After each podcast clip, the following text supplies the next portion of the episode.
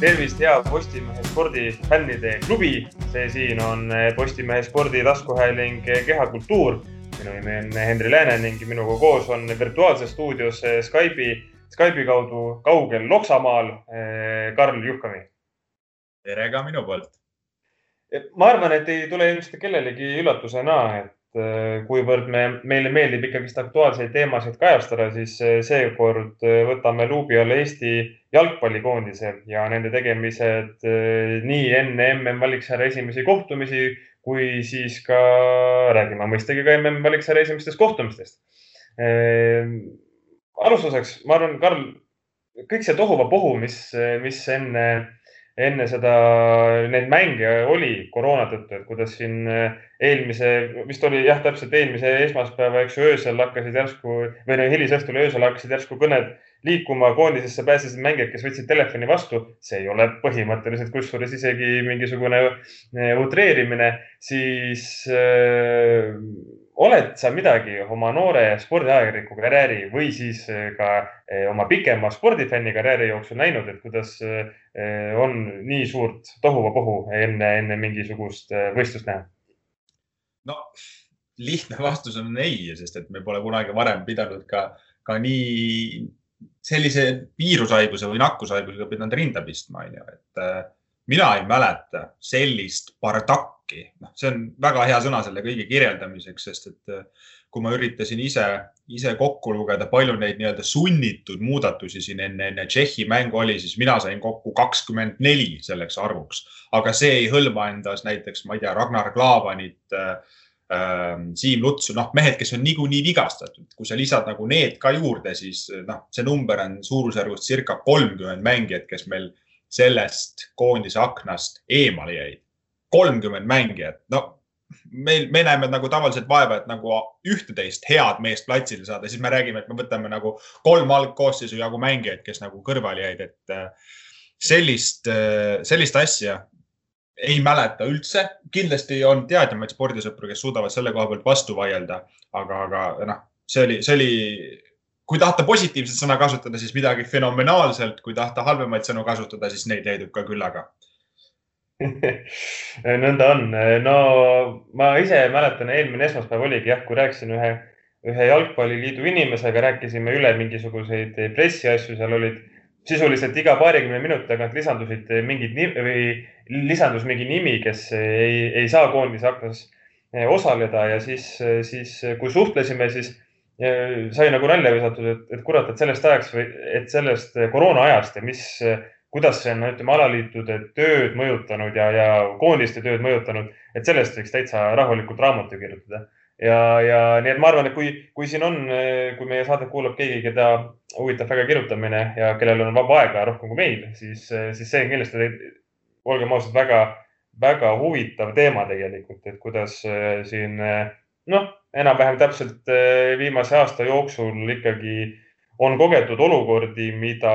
mida nii-öelda normaalsetes oludes ei, no ma ei tea, isegi ette ei oska kujutada, ma arvan, või, või, või mis on tõesti,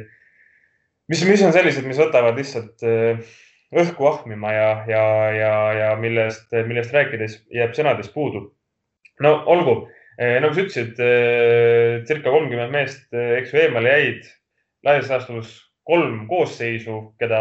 justkui oleks võinud ka väljakule saata. Aga lõppude lõpuks need mehed, kes äh, telefoni kas vastu võtsid, kes ei olnud kuidagi äh, selle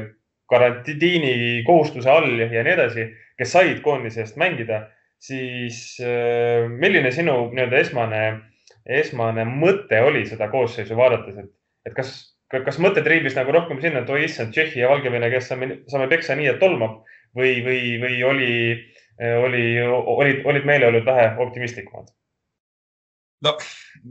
aus vastus on ikkagi see, et meeleolu oli ikkagi,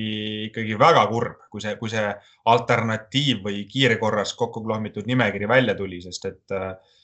ei, ma ju oma, oma Valgevene mängu järgses aruandeski korra rõhutasin seda, et ei tasu nagu ära unustada, missuguse fooniga või tooniga jälgiti eelmisel noh, esmalt üle-eelmisel ja siis ka eelmise aasta sügisel nagu Eesti jalgpallikoondist, et see olukord ei olnud üldse roosiline ja, ja tegelikult ka ju praegu nagu praegusel hetkel, kus meil on need kaks mängu selja taga Eesti jalgpallikoondis pole üheksateist mängu järjest võitnud. aga noh, selle fakti paneme praegu salve, et, et äh, mina kartsin hullemat, ausalt. see nüüd ei tähenda, et olukord on super roosiline ja, ja ma nüüd usuks Eesti koondisesse nii, et ma võtaks kõik kihlveod vastu. aga, aga peale vaadates koosseisule, esimene mõte oli küll see, et noh, Tšehhiga ilmselt tuleb, et, et kas see null kaheksa, mis me kunagi Saksamaalt saime, et kas see nüüd on nagu ohus. sest et äh, noh, kui sul kahekümne seitsmest mehest, kes algselt nagu koondisesse kutse saavad, jääb alles järsku kaheksa. noh, see ja, ja, ja noh, kaitseliini hakka, hakkasidki tulema mehed, kes lihtsalt viimasel hetkel telefonikõnele öösel kell üks vastasid, on ju, ja mingi esiliiga B mehed sinna koondise nimekirja läksid. Noh, siin jumalale tänu, et need mängud isegi nii hästi lõppesid, on nagu on, on aus vastus, noh, sest et öö, äh, ootused või kartused olid olid väga palju hullemad ja, ja see, et me siit üldse meile jäi näppude vahele need neli väravat, et me saame praegu tagantjärele rääkida Valgevene mängu puhul sellest, et kurat, see viik oli nii lähedal. no ma, ma oleks,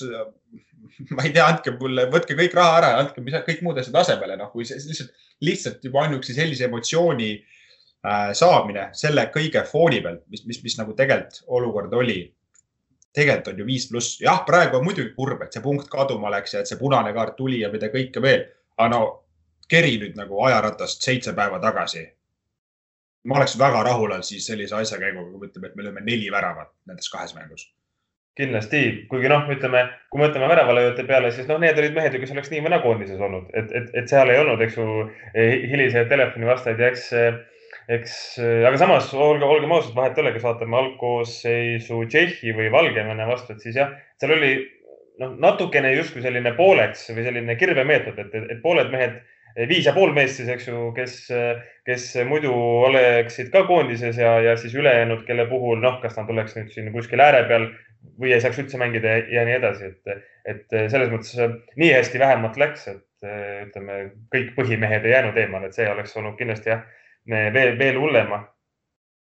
ja et noh, ütleme kõige väiksemad kaod olidki meil ju ründes, noh, kui sa võtad lihtsalt, et meil on Henri Anier, Rauno Sappinen, noh, okei okay,, Erik Sorga jäi, jäi küll kõrvale, aga vähemalt meil on nagu praegusel hetkel Eesti koondisel on ju luksus, no meil on kolm väga heal tasemel ründajat. Seda, sellist perioodi nüüd sinisärkide ajaloos liiga tihti ei leia. ja kui sa võtad igiliikur Konstantin Vassiljevi, kelle puhul lihtsalt tuleb lisada samasugune klausel nagu Messi puhul või Ronaldo puhul, et lihtsalt nautige seda nii kaua, kuni see mees mängib. et äh, see, mis ta praegu kolmkümmend kuus peaks siis passis see, see, see number olema, et see, mida see mees jätkuvalt nagu teha suudab, oma füüsisega tagasi töötamine, kasvõi, kasvõi selline mängijate suhtumine või, või eeskuju andmine, noh, mis, mis ta siin õiguse puhul ütles, et täiesti loll punane kaart, aga noh, vahel jookseb mõistus kokku lihtsalt, no midagi ei ole teha, juhtub noh, et loodame, et poiss õpib. noh, see on ju nagu ülim tagasiside, mida tegelikult saada, et ei ole see, et ta lihtsalt nagu viskab sind kohe risti ära ja sind nagu never näha ei taheta. Et selles suhtes see ründetuumik oli olemas ja noh, see, et siis sealt väravad tulid, oligi nagu võib-olla loogilisem ja kui kaitse pool oli see, mida kõige rohkem ümber korraldati, noh, siis see ka ju kärises kõige rohkem ja eh, nii on eh, ja õigus sul on, Kostja tõesti kolmekümne kuue aastane on, nelja ja poole kuu pärast saab kolmkümmend seitse, nii et, nii et eh, ma ei tea, hooaeg kaks tal veel ilmselt, ilmselt jalgades on, eks ju, aga, aga liiga palju rohkemat on, on, on raske tahta. no enne kui jõuame nende mängude juurde ka, siis omalt poolt tahaks kahte asja mainida, et Mm, väga huvitav olnuks näha, milline olnuks ja kas olnuks koondises ka mingi nagu mängupildiliselt mingeid eh, muutusi siis, kui peatreeneri kohusetäitja Martin Reimi asemel oleks, oleks saanud mehi niimoodi otse värskelt juhendada eh, Toomas Häberli, et eh, nagu ta ise ka Šveitsi meediale antud sellises lühemas intervjuus ütles, et no ei oleks küll kunagi osanud oodata, et tema esimesed kolm eh, mängu niimoodi kulgevad, et tema istub, eh, istub Tallinnas eh, hotellis karantiinis ja samal ajal kui koondis mängib ja noh, arusaadav, et seal igasuguseid ühendusi, virtuaalühendusi sai ju loodud ja, ja, ja, ja mingit nii-öelda, mm, mingit input'i või mingit kuidas nüüd eesti keeles ütleme, mingid, mingisuguseid otsuseid sai ikkagist Häberli ju justkui edastada ja mõtteid, aga, aga ilmselge on ka see, et, et mängu nii-öelda kohapeal staadionilt nägemine ja, ja selle järgi otsuseid tegemine on, on kindlasti noh, oluliselt etem ja, ja parem, aga aga teine asi, mis ka siin üks hetk omavahel rääkides on, on, on saadud nalja tehtud, et, et Eesti ja Tšehhi mäng, noh, et see on selline Euroopa koroonaderbi, et kaks riiki, kellel, kellel selle viirusega noh, seisud on ikkagist halvad, siis ja kui Eestil nüüd oli siis see, et laias laastus ütleme kahe-kolme koosseisu jagu mängijaid või nagu algkoosseisu jagu jäi eemale, siis natukene hakkasin mõtlema selle peale või kuskil mälus hoopis oli, et, et, et aga tšehhidel vist on ka olnud selle koroonaga mingit jama ja, ja, ja guugeldasin üles kaks tuhat kakskümmend septembris eh, oli, oli nõnda, et eh, ühel reedesel päeval pidi Tšehhi kohtuma Rahvuste Liigas Šotimaaga. Eh, aga kuna nende siis delegatsioonis või koondises anti mingisugused positiivsed testid, siis mäng lükati edasi esmaspäeva peale ja tšehhid võtsid uue satsi Eh, nii et eh, pidid võtma jah, tõesti uue, uue, uue võistkonna justkui, eh,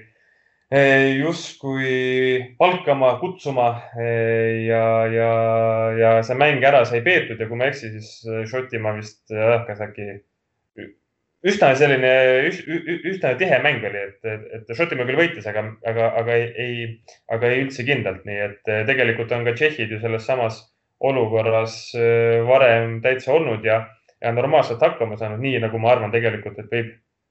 võib öelda ka selle, selle kohta, kuidas, kuidas Eesti, Eesti Tšehhiga hakkama sai. kodumängus Poolas,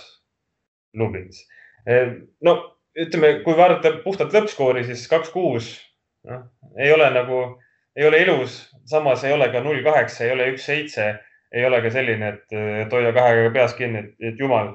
et nüüd on jälle aeg ajalehte teha lihtsalt mingisugune fotoseeria sellest, kuidas kõik on sealsamuseski. Mm, ja pealegi meie läksime juhtima, Rauno Sappinen lõi värava. kui šokeeriv see oli? noh, ütleme, et see, et eh, liini taha andes see olukord võib tekkida, noh, ei pea olema just eriline jalgpalligeenius, et selline kontrarünnak kiire, kiire üleminekuga võiks olla Eesti koondise vastu vasturünnaku koht, nõelamise koht, sellele mängisid ka peatreenerid ja see ka õnnestus, noh, aga, aga selge on see, et selle värava või selle olukorra juures kõige tähtsam ongi see, et see tuleb ära lüüa. noh, see muutub sellesse vanaks jalgpalli klišeeks, et no igas mängus, igal võistkonnal see üks sajaprotsendiline võimalus tekib, noh ja Eesti koondisel neid tekib küll mõnikord ka vähem kui üks, aga, aga noh, suures plaanis, kui see, kui see üks olukord tuleb, see tuleb ära lüüa ja nagu see on see, mille puhul nüüd Rauno Sappineni eriti tuleb kiita, et, et see oli Kostja niisugune poolpõrkest antud pall, noh, kus ta ilmselt mingi neljanda tundlaga kusagilt nägi, et Sappinen võiks sinna joosta, sellepärast et nad on ju ka Floras seda kokkumängu harjutanud. et, et see oli väga hea ärakasutamine ja muidugi šokeeris, noh, ei maksa salata. ma arvan, et tšehhid ise olid ju rohkem šokeeritud kui ikkagi Eesti, Eesti jalgpallifännid, kuigi samas mine sa tea, meil võis ka see üllatus päris suur olla aga, aga nende, need väravad, mis me lõime ju noh, see ongi see kõige suurem emotsioon, mis me praegu nendest mängudest kätte saame saada, et, et, et kaks-kuus on väga palju lihtsamini seeditav kui null-neli, mis ju väravate poolest sama või veel hullem, mis see vana hea oli, et üritame üheksakümmend minutit bussi parkida, aga siis saame üks-null tappa. noh, see ei tekita ju praktiliselt mitte mingit emotsiooni, ongi niisugune kannatamine ja siis noh, äkki hambad ristis joppab versus niisugune noh, vana hea Tarmo Rüütli mäng, et hurraaga peale ja noh, peaasi, et ise ühe loome, siis on nagu staadionil hea emotsioon, seda on ju Rüütli juba kordades välja öeldud, et inimesed tulevad staadionile väravaid vaatama ja seda tahab tema pakkuda. kuigi tegelikult hinnatakse teda tulemuse järgi, ehk siis noh, kas sa nüüd üritad rahuldada fänne või sa üritad rahuldada siis neid, kes sind palkavad, on ju, et seda kompromissi tuleb saavutada, võib-olla vahepeal me oleme läinud liiga tulemuste keskseks aga seda sellepärast, et tulemusi pole tulnud, on ju, et noh, niisugune, niisugune keeruline nokk kinni, saba, saba lahti olukord, aga selge, et eh, väravad on, on, on ju need, mis jalgpalli puhul meid kõige rohkem rõõmustavad. ja, ja noh, me läksime, läksime kolm korda juhtima nende kahe mängu peale. see, seda nagu liiga tihti Eesti fännina nagu tunda ei saa see tundub jah, see tundub võib-olla isegi üks kõige uskumatumaid statistikaid eh, selle kõige peale. Eh, no ma ma tegelikult tahtsin ka küsida, et, et, et, et kas, kas pigem kaks, kuus või null, neli, kui räägime neli, neljaväravalistest kaotustest, aga mina olen ka igal juhul nagu selles paadis, et, et kui on nii või naa aru saada, et vastane on üle, vastane seda ka väljakul suudab tõestada, siis pigem selleks, et, et saada kasvõi ise värav kaks kirja, tõesti täitsa okei okay on, kui siis lüüakse meile ka üks-kaks rohkem, et neid kurbi seeriaid nagu Eesti koondise osas, et kus ma ei tea, mitu, mitu minutit on läinud, et viimasest mingist väravale läinud pealelöögist või, või, või sellest, et millal me viimati võitsime näiteks, ma ei mäletagi enam seda aega ausalt öeldes. see kaks tuhat kaheksateist, üheksateist märts vist oli, eks ju, see on ju sada aastat tagasi. et neid kurbi nagu seeriaid on nii palju ja tegelikult need väravad, olgugi et nad noh, suures plaanis tegelikult ei tähenda ju midagi siis ikkagi, ikkagi toovad tõesti eh, naeratuse näole ja teevad, teevad selle olukorraga leppimise palju, palju hõlpsamaks. aga noh, ütleme, kui vaatame korraks Tšehhit ka, siis Eesti võis ju kaheteistkümnendal minutil üks-null juhtima minna, aga, aga sellele, sellele vastati umbes neljakümne minuti jooksul või õigemini kolmekümne kaheksa minuti jooksul Eh, kuue väravaga, nii et eh, noh, see on nukker muidugi, aga, aga rõõmustame kahe värava üle. nojah, kes nagu tahab seda klaasi kuidas näha, et eh, noh, Tšehhi näitas, et kui nad nagu vähegi tahavad, siis klass on selline, et neljakümnelt toovad ka risti ära, noh piltlikult öeldes. et see tasemevahe oli seal selline, kui sa võtadki, et meil tulevad, meil tulevad tüübid premium liigast ja, ja mis see Baskotši peab oma koondise debüütmängul madistama AS Roomas, Bayer Leverkusenis, kus see Patrick Schick veel mänginud on, noh, et see, see, see mees ei ole nagu esimest aastat ka Euroopa tippliigades, vaid ta on juba nagu aastaid seal kanda kinnitanud, väravaid löönud, nime teinud, noh ja siis sa paned vastu kaheksateistaastase kuti, kes jah, okei okay,, klubiliselt mängib Tottenham Hotspuris, aga nagu reaalselt on ju poiss. no nõnda on, noor mees ja eks nii nagu ka näiteks ETV kommentaatorid ju märkisid igati õigelt, et pigem selline pikk ja vibalik, kui, kui nüüd mingisugune üli, ülitugev koll, kelle vastu ei taha mitte keegi mängida, et küll jõuab, küll jõuab seda, seda kehalist poolt arendada. no mm, Henri Anier ju lõi Tšehhi vastu Eesti teise värava, juba Sokkaneti foorumis keegi tituleeris Anieri Sapineni nüüdisaja ooperiks ja Zelinskiks. noh, loodetavasti see, see võrdlus peab paika aga Anieri poolt, nii nagu, kui hiljem jõuame siis ka Valgevene mänguni, et eh, jällegist tegelikult ju väga meisterlik värav. ma pidin siin korra isegi meenutama hakkama, kuidas see värav tuli, jah, paremalt äärelt vist Sander Puri pani kasti tsenderduse ja Anier tegi see, see targa ründajaliku kaks sammu kaitsest eemale oma värava poole tagasi, kuhu see sööt tuli ja siis sealt vist pöörde pealt lõi. nüüd vist. jah kui..., vasakuga postipõrkest just, just, et, et, et äh, siis mälupilt on õige, absoluutselt, kasvõi just see, et sa, sa, sa mitte ei lähe seda esimest posti ründama, mis võiks olla nagu ründaja esimene instinkt, vaid, vaid sa teed selle sammu tagasi, sa annad endale ruumi kaitsest eemale minekuga sellega ja, ja, ja annad selle nagu alternatiivse lahenduse. Ja muidugi ma nüüd videopilti ees ei ole, et kas Sander Puri pani huupi selle söödu sinna keskele või ta jõudis ka korra pilku tõsta, kui ta jõudis pilku tõsta, siis noh, veel filigraansem värav selles suhtes, et ta märkas seda Anieri liikumist äh, samamoodi. ja nõnda on. no Baskotšit äh, sai mainitud, aga debütante oli, oli, oli selles kohtumises veelgi. Äh, näiteks Karl Rudolf Õigus ja ka Bogdan Vaštšuk, kui ma ei eksi, siis need Levadia mehed samamoodi A-koondise debüüdi tegid. no Vaštšuk on, olgem ausad, väga vastuoluline kuju väga paljude Eesti jalgpallisõprade jaoks ehm, kunagi tehtud asjade eest, ehm, mille puhul siis ikkagi see, see, see, see aura ei, ei lähe ära, et vahet ei ole, et aasta võis olla, ma ei tea, kaks tuhat viisteist vist või midagi sellist, eks ju, aga, aga, aga inimesed mäletavad, oli vist nõnda, et ühe putsa peal oli vist Vene lipp ja, ja, ja seal on veel olnud nipet-näpet asju. ütleme niimoodi, et kui, kui hümne, hümne mängiti, siis, siis said jälle kiibitsejad, eks ju, nuriseda, et kurat, mees ei laula hümni, tal ei ole Eesti koondises mingit, mingit kohta, aga reaalsuses, kui mina sellele mängule tagasi mõtlen, siis Vaštšuk ei olnud küll üldse kehva, ei jäänud, ei jäänud kuskil millelegi millelegi ega kellelegi jalgu, mitte et ta nüüd olnuks ka mingisugune hull särastaar olnud, aga täiesti korralik debüüt ja täpselt sama, ma arvan, võib öelda ka õiguse kohta. jah, ma nüüd ütlen kohe ära, et Tšehhi mängu eel ma seda hümni niimoodi ei jälginud, aga Valgevene vastu ikkagi Vassiuk isamaa vähemalt laulis, varem lihtsalt kaamerapilt temani ei jõudnud. aga, aga noh, ütleme Vassiukilt ja õiguselt mõlemalt oli väga korralik mäng, nad, nad elasid rütmi sisse, aga nende puhul nagu tasub, tasub lisada see klausel juurde, et nad ei mängi otseselt positsioonil, äh, kust, kust silmnähtavalt käriseks. noh, nad ei ole keskkaitsjad, nad ei ole väravahid, kelle iga iga eksimus või iga prohmakas automaatselt tähendaks seda, et meie võrk sahiseb. et, et kui keskväljal see, see duell kaotatakse, noh, see ilmselt tähendab seda, et, et keegi tuleb seda paikama ja siis tekib väljaku teises osas ruumi juurde, noh, ma ei tea, suvaline näide, et, et kui õigus kaotab duelli, noh, siis peab paremkaitses keegi lappima seda tulema ja siis tekib vastaste vasakul äärel see ruum, kus siis antakse see tsenderdus, mille peale siis kõik Eesti jalgpallifännid on see, et me ei oska tsenderdusi kaitsta. et noh, see, see probleemi tuum tegelikult võib ju, ju väga-väga kaugel nii-öelda alata, et, et selles suhtes äh, praegu ütlen selle vastuolulise lause, mida, mida üheltki Eesti jalgpallurit nagu mängu järel kuulda ei taha, et peame videost üle vaatama, aga, aga nende etteastete, Vassiuki õiguse nagu etteaste õige hingamiseks tulebki teha videoanalüüs et näha, kui palju nendest eksimustest reaalselt millelegi, millenigi viisid, et kas seal tuli keegi paikama, kas nad ise jõudsid duelli tagasi või see oli suvaline õlg õla vastu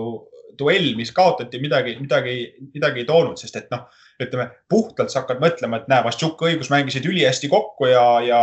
kumb neist nüüd selle latilöögi tegi, Vassiuk? Vassiuk oligi mm -hmm.. noh, et noh, see, see on nagu see, mis Vuti fännil on nagu kohe keele peal, vaata, too ülihästi kombineerisid, Birjot Levadia, vaata. et aga, aga mis nagu tegelikult nende mängu, nende kahe kuti panus oli, noh, seda tuleb videoanalüüsi pealt jälgida, aga ainuüksi fakt, et Vassiuk oli ka Valgevene vastu. Algkoosseisus, näitab, et see mees tõestas, et temas on, temas on ainest. Ja, ja eks Vaštuki puhul on tegelikult ju varem ka räägitud, räägitud, et ta võiks ikkagi selles, noh, koondise kandidaatide ringis on ta nii ehk naa, aga et eh, võiks, võiks saada ka lõpuks mängudeks valituks, noh, kas, kas seal ka peale saab või mitte, see on juba omaette ooper, aga, aga et saaks vähemalt eh, koondises siis selle, selle võimaluse end, end näidata ja, ja noh, see tõsi ta on, et see latilöök on nagu kõige eredamalt meeles, eks ju, aga aga see oleks ka olnud, ma arvan, paljudele või noh, ütleme, see oleks tekitanud fännide hulgas nii palju furoori, kui Vaščuk olekski seal ära vajutanud, et seal jäi tegelikult ju üli, ülinapilt puudu sellest, et see värav oleks tulnud. Aga ausalt öeldes tahaks loota, et kõik see, kuidas ütleme, see nagu vene, et kas ta, et kui venemeelne ta on, kas ta on venemeelne, et kõik sihuke teema, et see lõpeks ära, noh, et me nüüd nägime kahes mängus, kuidas äh, mees käis koondises väljakul ja ei vedanud seanahka, ei, ei laulnud mingisugust, ma ei tea, ENSV aegset hümni või mida iganes, et äh, ikkagi kui väljakul endast ju, endast ju kõik annad, siis, äh, siis ma arvan, et võib nii-öelda paljusid, ma ei taha öelda patte, aga, aga, aga selliseid, ma ei tea, kas kaheti mõistetavaid või selliseid vastuolulisi tegusid ju andeks, andeks anda. Noh, kui to, toome nagu sellise väga lihtsa ja, ja süütu paralleeli, et ma mäletan, kui see oli kolm aastat tagasi äh, Ateenas, kui Eesti jalgpallikoondis võitis oma viimase ametliku kohtumise, mis ei ole siis maavõistlus ega, ega muud loomad, kui me rahvuste liigas alistasime Kreeka ja noh, see ei olnud ilus mäng, Rauno Sappinen, ma ei tea, kuidas selle värava seal ära lõi ja noh, ma olen seda korduvalt öelnud, et kui, kui see värav tuli, siis me vaatasime soccernet.ee peatoimetaja Kaspar Elissaarega teineteisele otsa seal Ateena olümpiastaadionil ja kehitasime õlgu, ütlesime, et nojah, noh, et noh, null emotsiooni justkui pakkus. ma olen, ma olen seda rääkinud aasta aega hiljem, ütlesime, et me võitsime, aga noh, mitte mingit emotsiooni ei pakkunud. ja nüüd kolm aastat hiljem ma mõtlen lihtsalt olukorras, kus me oleme üheksateist mängu järjest võiduta. Eesti jalgpallikoondise viimane võit pärineb kaks tuhat üheksateist märts kui me võitsime sõprusmängus Gibraltarit. ja nüüd ma mõtlen nagu tagantjärele, pagana juttu ma rääkisin, kui ma ütlesin, et see võit Kreeka vastu ei pakkunud midagi. selles suhtes neid, neid tagantjärele õppetundi ja arusaame, neid tekib alati ja, ja igaüks võib mingil hetkel aru saada, et, et, et nii-öelda hetkeemotsioonis tehtud otsused, käitumised ei pruugi olla kõige õigemad, aga see kõik on tagantjärele tark, tarkus, nagu me võime heietada ka Sander Puri äh, sisse vahetamise, tähendab jätmata Sander Puri vahetamata Karl Rudolf õiguse asemel, kui me, kui me, kui me Valgevene mängu juurde siin mõne aja pärast veel jõuame. no just, aga ma arvan, et see mõni aeg on nüüd käes, ei läinudki väga kaua aega. Eesti-Valgevene kaks-neli meie poolt vaadatuna Minskis see kohtumine toimus ja no nagu sa mainisid, tõesti see, see viik justkui oli, oli nii, nii lähedal, aga, aga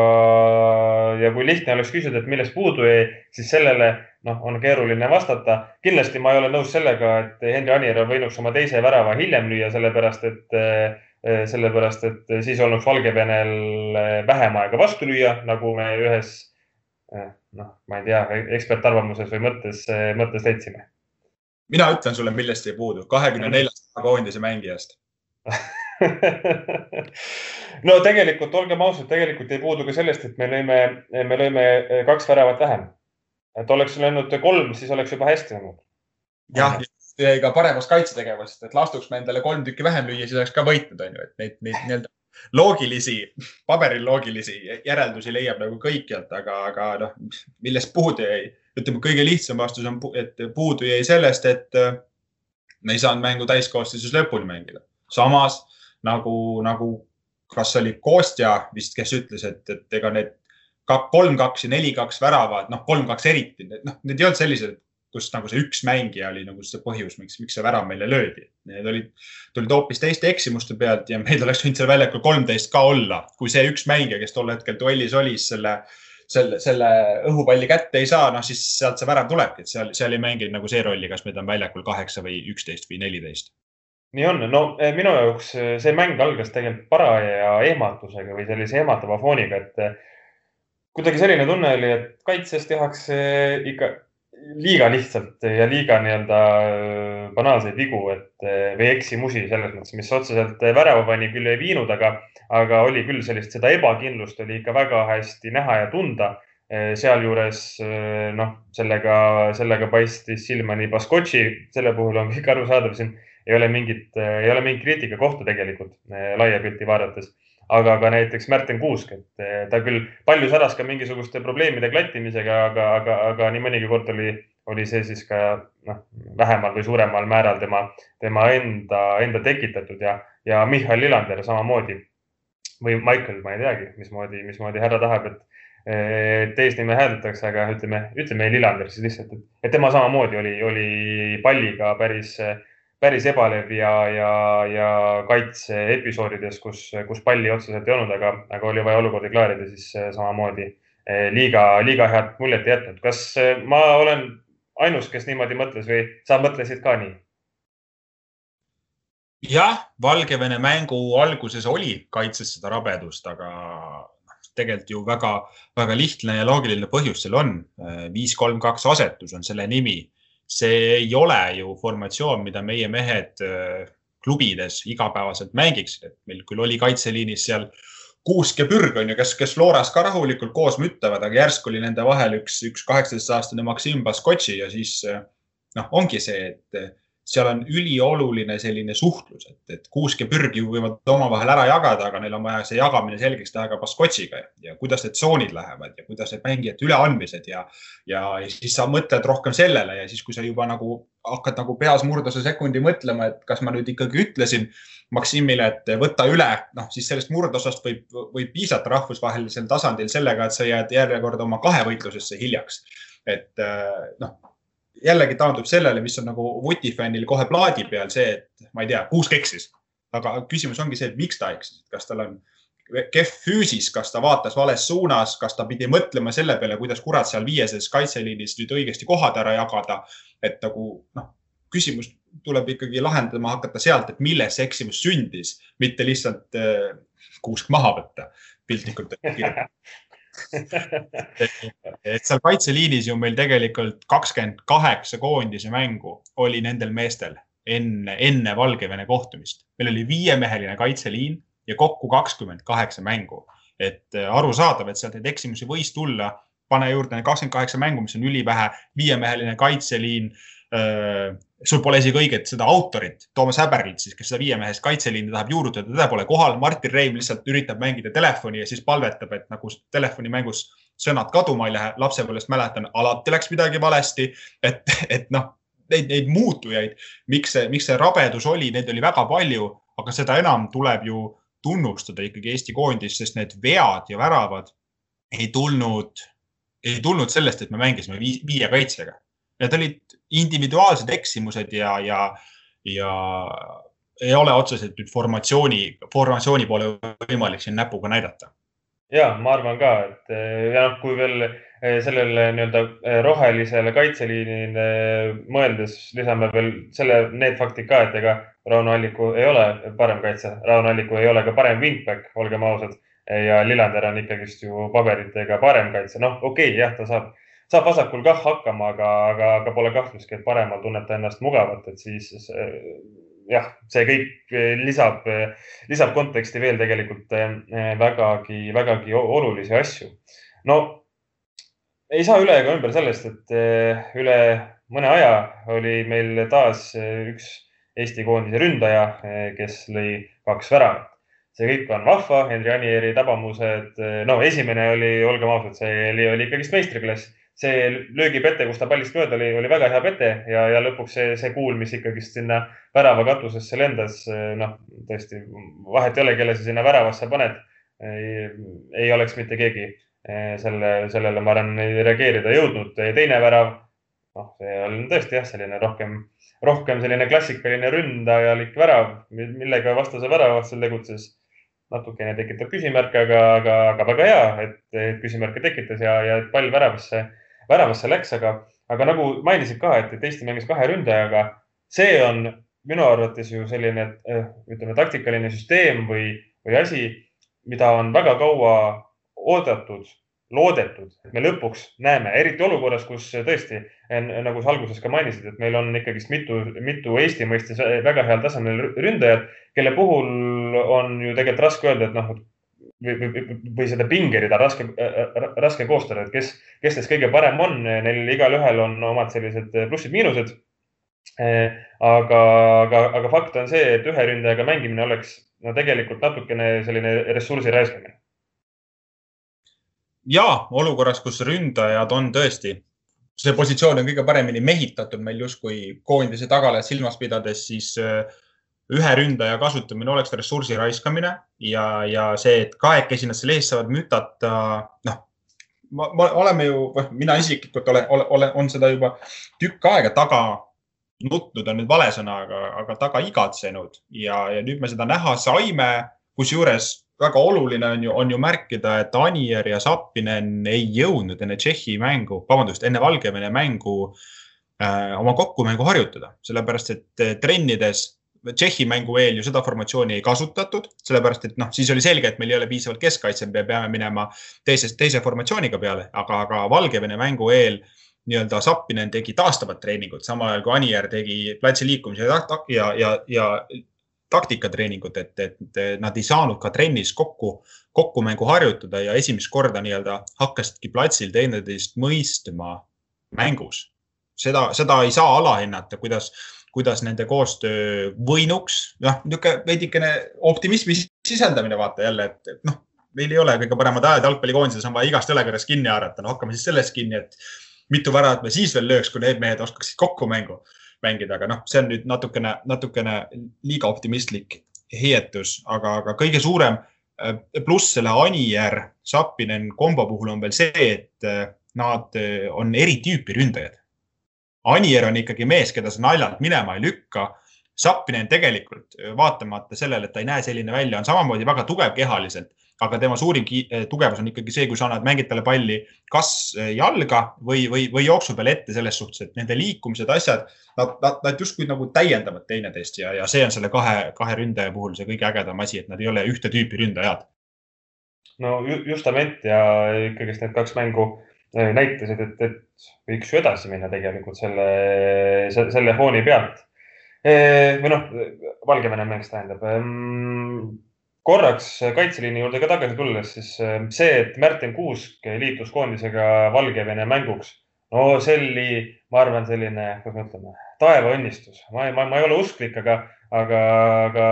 aga, aga see oli igatahes suurepärane, suurepärane asi ja eelmine aasta ka tegelikult sai ju kõik ikka korduvalt nähtud, et äh, Kuusk on, vahet ei ole, kas me räägime Florast või ka koondisest, siis äh, Kuusk on väga heade ja ilmselgete liidriomadustega mängija, kes, kes ei karda häält teha, kes ei karda öelda, kes kuhu liikuma peab või, või kas keegi tegi midagi halvasti või hästi. Pidev eh, selline juhendamine ikkagi käib ja, ja ma arvan, et tegelikult sellises noores ja kogenematus eh, kaitseliinis oli, oli selline oskus veel, veelgi olulisem. Eh, nüüd edaspidi vaadates on minu jaoks Kuuse puhul huvitav, et esiteks, millal ta välismaale läheb, sest et noh, võiks juba mitte sellepärast, et nüüd, issand jumal, kui Florasse jääd, et siis ma ei tea, jalgpalluri karjäär on kahe aasta pärast läbi, vaid lihtsalt sellepärast, et et tema areng ikka jätkuks ja, ja, ja ma arvan, et ta on juba ka praegu piisavalt heal tasemel, et, et kuskil väljamaal mängida. Aga teiseks, ütleme hilisemates koondise mängudes, kui sellist koroona segadust ja jama ei, ei, ei, loodetavasti ei ole, noh siis eeldame, et Karol Mets ja näiteks Joonas Tamm on tagasi. kui Tamm on vist ka selline rohkem rahulikum natuur, siis no Mets on ju samamoodi mees, kes väljakul heas mõttes põleb ja kelle liidriomadustes ei, ei, ei maksa kahelda. Et eh, kuidas eh, näiteks võiks omavahel sobida kuusk-mets eh, paar, keskkaitsepaar, et nii siis mänguliselt kui siis ka, kui siis ka nii-öelda iseloomude poolest, et samas tundub nagu päris päris hea vähemalt teoorias, et kui ütleme, kaitseliin on heas mõttes mölisejaid täis, et kes pidevalt ütleme, üks juhendab vasakpoolset väljakut justkui teine parempoolset, eks ju, et, et et sellel kõigel võiks, võiks ikkagist olla, olla kamalu kui jumet. jah, et äh, see mets-kuusk paar äh, ilmselt nii puine ei ole, kui sa, kui sa, kui sa kardad selles suhtes, et äh, rõhutada tuleb ikkagi seda, et me ju hakkab ilmselt häberli käel ikkagi seda, seda viis, kolm, kaks taktikat kasutama hakkaksime, mis tähendaks, et rahustav tamm kahe puu vahel oleks. et, et siis, siis see kaitseliin võiks ju töötada paberi peal oleks väga kõva, aga, aga noh, kõigepealt ma vastan ühele su küsimusele, millal kuusk välismaale läheb, noh, kõige lihtsam vastus on suvel, sest siis avaneb üleminekuaken, on ju. kas ta võiks sinna kohe minna? jah, võiks, kui ta jääb aasta, aasta lõpuni Florasse, see ei ole maailma lõpp, sest ta saab seal just nii-öelda praktiseerida või harjutada seda liidrirolli kogemist, sest et me küll tunnustame kuuske aga, aga noh, tegelikult tasub ikkagi silmas pidada, et, et on veel selline noh, jätkates suurepäraste naljade lainel, siis ta on veel võrsetega kuusk, need rohelised, mida sa saad süüa, vaata. et, et tal ei ole neid äh, rahvusvahelise taseme kogemusi kõige rohkem ja natuke on vaja veel, vaja veel küpseda, sest et kui me võtame puhtalt paberi peal, ta on ikkagi ju noh, meie viies keskkaitse, kui sa nii hakkad võtma, meil on Klaavan, Mets, Tamm, Baranov noh, kes kõik ju mängivad välismaal ja on, on, on kuusest eespool selles suhtes, et tal on veel vaja ennast tõestada ja mis äh, mulle tundub, mis tema nagu tüpaaži puhul on ka väga hea, et ta peab ennast tõestama, sest see on nagu tal selliseks sisemiseks äh, sütikuks või noh, ta põlebki seest, nagu sa, nagu sa mainisid tema puhul ja siis nagu see areng võiks olla veel, veel kiirem ja, ja veel plahvatuslikum. No olgem ausad, kui kolmene keskkaitseliin peaks olema Eh, mets, kuusk, tamm, siis on võimatu puiseid nalju mitte teha. nii et eh, anname sulle andeks. Need, need naljad, aga, aga mina isegi ütleks, et, et ta päris viies valik ei ole, et, ma arvan, Baranoviga ta võiks nagu üsna, üsna ühte jalga käia kvaliteedi mõttes, aga noh, see tähendab, et ta on neljas, et neljas-viies, et see on selline noh, keeletehnika, eks et, et, et sellel ei ole tegelikult, ei ole tegelikult mingit vahet, noh, lihtsalt ütleme välismaa osas Rauno Saprini puhul ju siin samamoodi talvel sai oodatud ja loodetud, et mees hea statistika pealt eh, nii koduliigas kui ka koondises eh, eurosarjas eh, vist saigistas ka võrku. jah, kindlasti, kurat, ma isegi nägin ühte seda väravat koha peal. et, et, et tundus ju kah väga loogiline ja tõenäoline, et ta ikkagist väljamaale läheb, aga, aga ei läinud, et noh lihtsalt äh, see, samas on see ka väga õige, et igasse, igasse kohta pole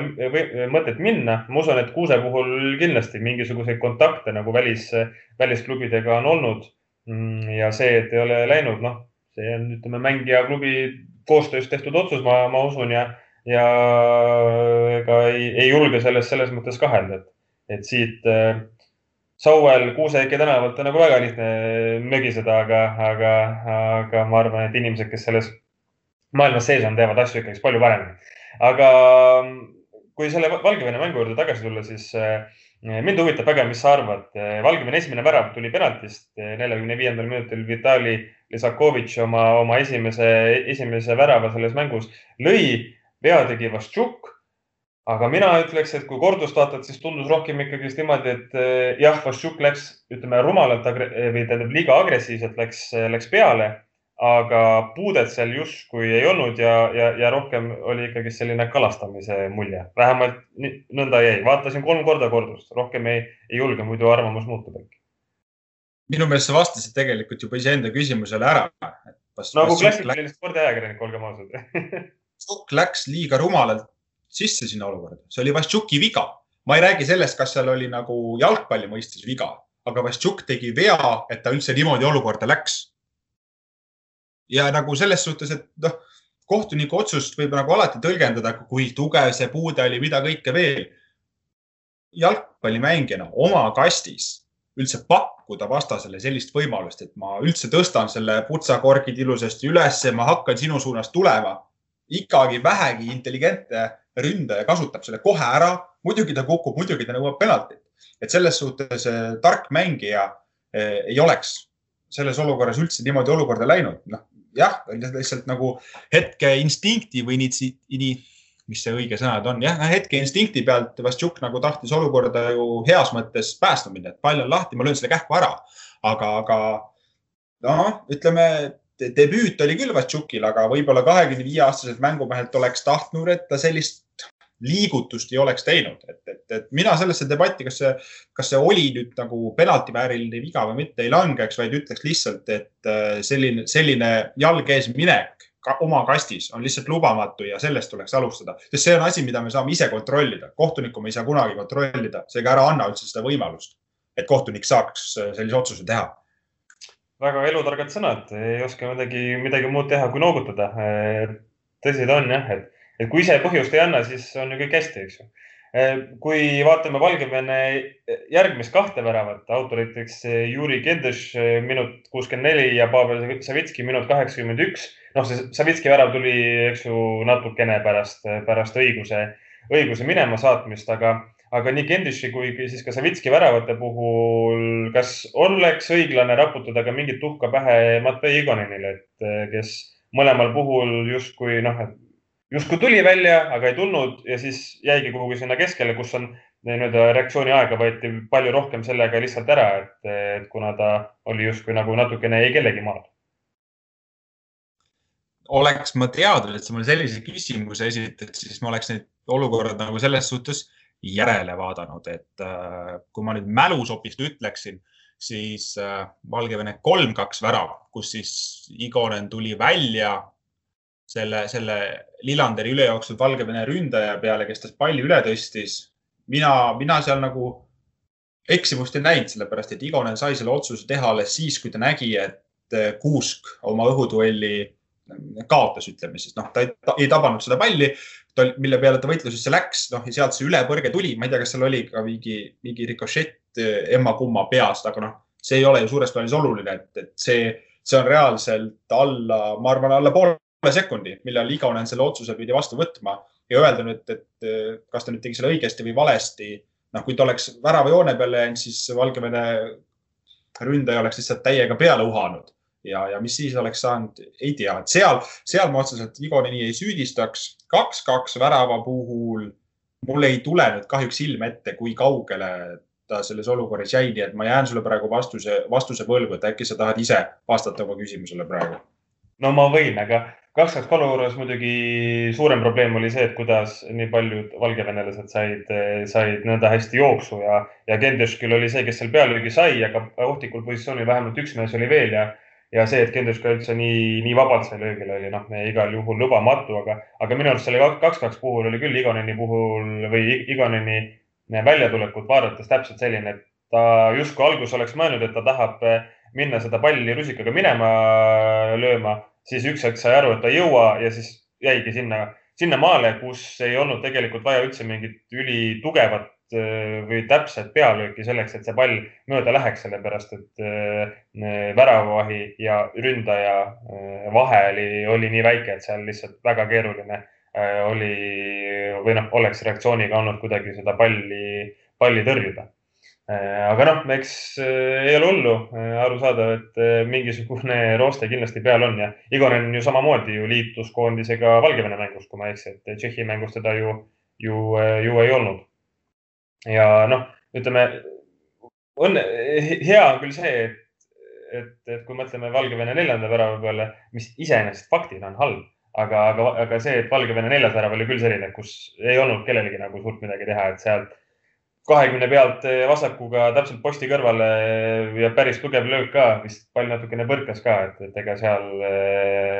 ei olegi, ei, ei olegi miskit, miskit teha. ja sul pidasid nii ilusa pika monoloogi, sain vahepeal seda väravat järele vaadata ja,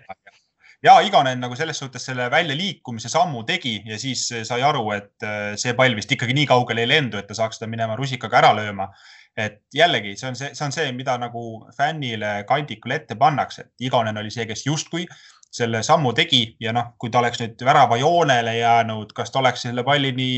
küündinud, ilmselt oleks, aga palju suurem küsimus on minu jaoks see, et kui sa vaatad nüüd olukorra, paned stopp kaadrisse ja vaatad, kui see peaolukord, pealöögi olukord tuli Kendishi poolt, siis äh, Märten Kuusk on ainukene mees, kes on nagu pallile ligi läheb. et üle, üle mehed ju lihtsalt katavad seda tsooniviga ja ei ole jälginud mehi, et kui Kendis poleks pallile pihta saanud, seal taga on järgmine valge särk, kes on täiesti katmata, et, et, et seal on nagu sihuke, niisugune, ütleme ikkagi meeskondlik ämber, et, et, et ei tahaks nagu Matveid nüüd eraldi esile tõsta ja kindlasti, nagu ma mainisin ka, et seal, seal oli jah küsimus juba selles, et kuidas üldse nii, nii vabalt oli võimalik löögile saada. aga olgu, kaks MM valiksarja kohtumist eh, peetud, väravate vahega neli-kümme. noh, ei, ole hullu, selles mõttes võitu niikuinii, olgem ausad, me ei, ei Tšehhi ega Valgevene vastu Eesti ei ole, ei ole favoriit, ma arvan, Euroopas on üldse väga vähe koondiseid, kelle vastu Eesti, Eesti on favoriit, nii et eh, kahte kaotust ei saa üllatavaks pidada. Eh, õiguse puhul või Valgevene mängu puhul jah, väga kahju sellest õiguse õiguse punasest kaardist, aga ega meil ei ole ju mingisugust kindlust, et, et kui ta poleks seda punast eh, saanud, et siis oleksime kindlalt viigipunkti või, või ka kolme võidupunktiga tulnud. ja noh, ja tulles nüüd eh, selle nii-öelda teema juurde, et miks eh, sisse vahetati õigusjuhataja, mitte Sander Puri, mida siin mängu järel äh, ajakirjanikud ja, ja fännid nii-öelda on tahtnud teada, siis ega, ega vastus ju, mis peatreeneritelt äh, tuli, oli ka ju ülimalt loogiline, et saadi aru, et standardolukorrad ja tsenderdused meile probleeme võivad tekitada, et paneme mängu pikema mängija ja Karl-Rudolf Õigus on hea jagu pikem kui Sander Puri ja see oli nagu see otsus, et noh, ütleme kaaluti nii-öelda kaks võrdset mängijat ja leiti, et ahah, näed, peamängust võib tulla neid olukordi ja kust tulid need väravad? noh, tahaks öelda, et ju, ju kaks, kaks väravat täpselt sealt tuligi näiteks, et näha oli, et need, need olukorrad võivad meile tekkima hakata, aga näe, seekord tuli, tekitasime ise selle enda olukorra endale, kui õigus need kaks kollast kaarti napsas. jah, kahjuks küll, aga, aga hullu ei ole ja, ja Karl Rudolfile saadame ikkagist siit eh, palju jõudu, et eh, ära heida meelt, pole hullu. ja küll, küll läheb paremini, et igatahes eh, tema ka koondise, ma arvan, kandidaatide ringis oma, oma aktsiaid ikkagist eh, selle Tšehhi mänguga tõstis ja ma arvan, et selle Valgevene, Valgevene matši ikkagist võib talle väga kiiresti andeks anda, sellepärast et me ei võitle MM-pileti nimel. nii et ei, ei ole mõtet, eh, ma ei tea, kuidagi mingi, mingisuguste vigade eest kedagi liiga, liiga karmilt karistada Äh, aga üks mäng on selles koondisaknas äh, Eesti koondisel veel, äh, kui kohtume maavõistluslahingus Rootsiga. seegi kohtumine võõrsil toimub kolmekümne esimene, kolmkümmend üks märts kell kaheksateist nelikümmend viis avavilek kõlab. noh, sellest mängust vist ei oska nagu midagi muud arvata peale selle, et läheb äkki, et ütleme, heal juhul läheb nii nagu Tšehhiga jah, see on ka niisugune mäng, kus tuleks vist kirikusse küünlaid viia ja või siis loota sellele nagu, nagu Zlatan ütles kahe tuhande neljateistkümnendal aastal, kui Eesti ja Rootsi viimati kohtusid olukorras, kus Zlatan ka mängis. noh, seal ta lõi ju teatavasti meie võrku mõlemad väravad, need olid tema koondise karjääri neljakümne üheksas ja viiekümnes ja pärast mängu Zlatan ütles, et tore võit, aga noh, see oli maavõistlusmäng, seega tühja kah et äkki tulevad rootslased nagu natukene samasuguse suhtumisega peale ja, ja ei pane nii-öelda kõike välja, vaid hakkavad nagu katsetama asju. aga noh, kui katsetamisest rääkida, siis minu meelest on oluline, et ka Eesti koondis ei, ei paneks lihtsalt nüüd kõike nii-öelda neid potentsiaalseid debutante väljakule, vaid kasutaks samamoodi, kasutaks mehi ja kasutaks lahendusi, mida meil tulevikus vaja läheks, kui meil reaalselt nagu koondis jälle koguneb, sest et äh,